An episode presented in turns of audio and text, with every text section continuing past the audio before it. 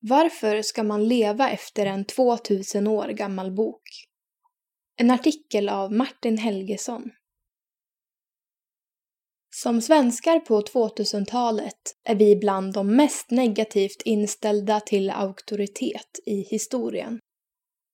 Vi vill att våra liv ska vara våra egna, fria och äkta, inte inskränkta. Fast det här med frihet och auktoritet är mer komplicerat än vi kanske tror. I låten Svart snö sjunger Kent. Alla här vill leda, men vi följer ändå blint. Ingen människa är en ö eller sig själv nog. Vi hör och påverkas av alla möjliga röster. Ingen lever utan auktoritet. Frågan är vilken auktoritet vi följer och om den är värd att följa. Om vi lever i förnekelse eller förvirring om vad som är vår auktoritet kommer vi omedvetet följa det vi kan kalla tidsandan.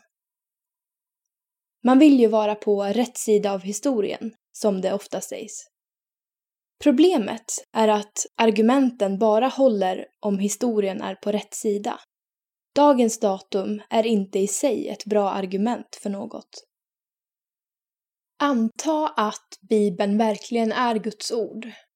Om det är sant, är den som talar till oss i Bibeln någon som känner till världshistoriens början och slut. I så fall vet Gud vad en människa är, både som designer och deltagare i mänskligheten. En sådan röst vore värd att lyssna till och skulle vara en god auktoritet. Därför blir frågan, varför tro att Bibeln är Guds ord? Från Jesus till folkbibeln När Jesus hade avslutat detta tal var människorna överväldigade av hans undervisning, för han undervisade dem med auktoritet.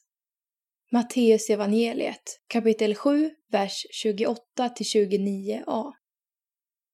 Jesus ord hade auktoritet. Något som märktes både i hans undervisning och hans underverk. Men kan vi lita på att de ord vi läser i en modern bibel faktiskt rätt återger vad Jesus sa? En del jämför bibelns tillkomst med viskleken. Varje gång historien berättas förändras den. Den liknelsen haltar rejält. Viskleken är utformad just för att göra informationsöverföringen opolitlig, för komisk effekt. Om du var övertygad om att personen du lyssnade till var Gud, i egen hög person, skulle du knappast använda visklekens modell för att sprida budskapet. Tvärtom skulle du noggrant undersöka att den som berättade vidare bevarade den ursprungliga meningen det är precis vad som hände med Jesus ord. Evangelierna i Nya testamentet innehåller ögonvittnens skildring av Jesus ord och liv. De skrevs ner i den miljö där Jesus levt och verkat, medan hans samtida ännu fanns i livet. Det kopierades i rask takt så att kopior spreds över hela den då kända världen långt före det fanns en centraliserad organisation som hade kunnat kontrollera och manipulera innehållet. De fyra skildringarna av Jesus liv som kvalade in i Nya testamentet gjorde det för att det var allmänt erkända som de bästa och mest spridda källorna. Att skriva av Bibeln för hand är ett hårt och svårt arbete Naturligtvis smög det sig in fel i handskrifterna, men just tack vare att vi har tillgång till tusentals kopior kan vi kartlägga och spåra de olika varianter som finns, så att vi kan komma närmare originaltexten än vi kan med någon annan antik text.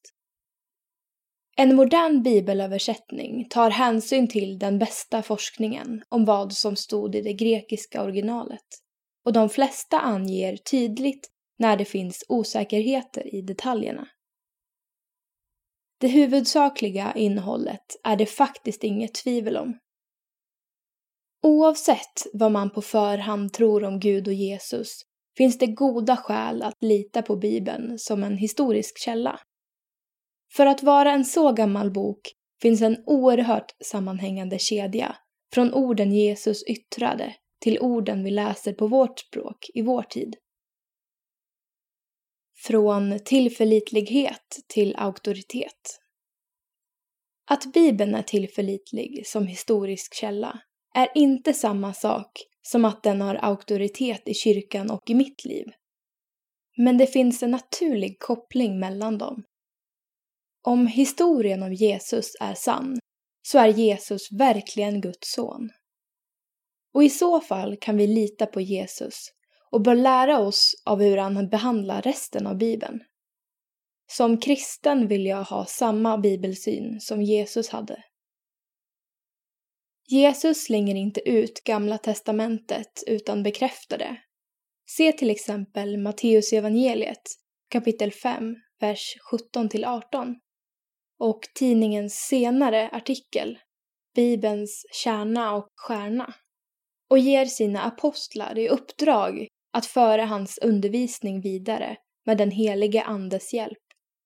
Se till exempel Johannes evangeliet kapitel 14, vers 25 26.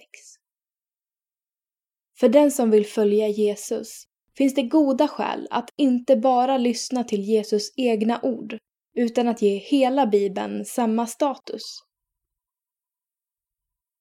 Guds röst, eller mitt eget eko. Ett av orosmolnen i vår tid är att det offentliga samtalet och informationsflödet alltmer präglas av vars och ens ekokammare.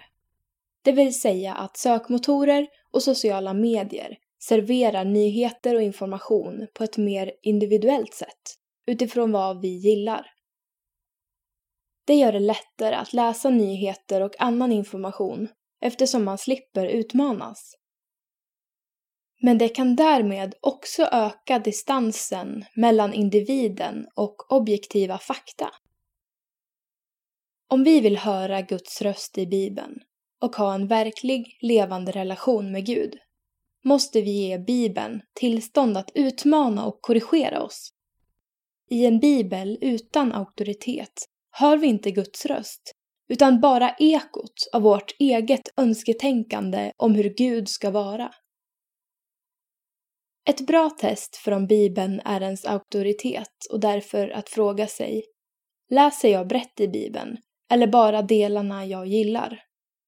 Låter jag Bibeln läsa och korrigera mig? Eller försöker jag korrigera Bibeln så att den bekräftar mig? Så varför ska man då bygga sitt liv på en 2000 år gammal bok? För att Bibeln är kommunikation från Gud själv. Vår attityd till orden på sidan speglar vår attityd till Gud.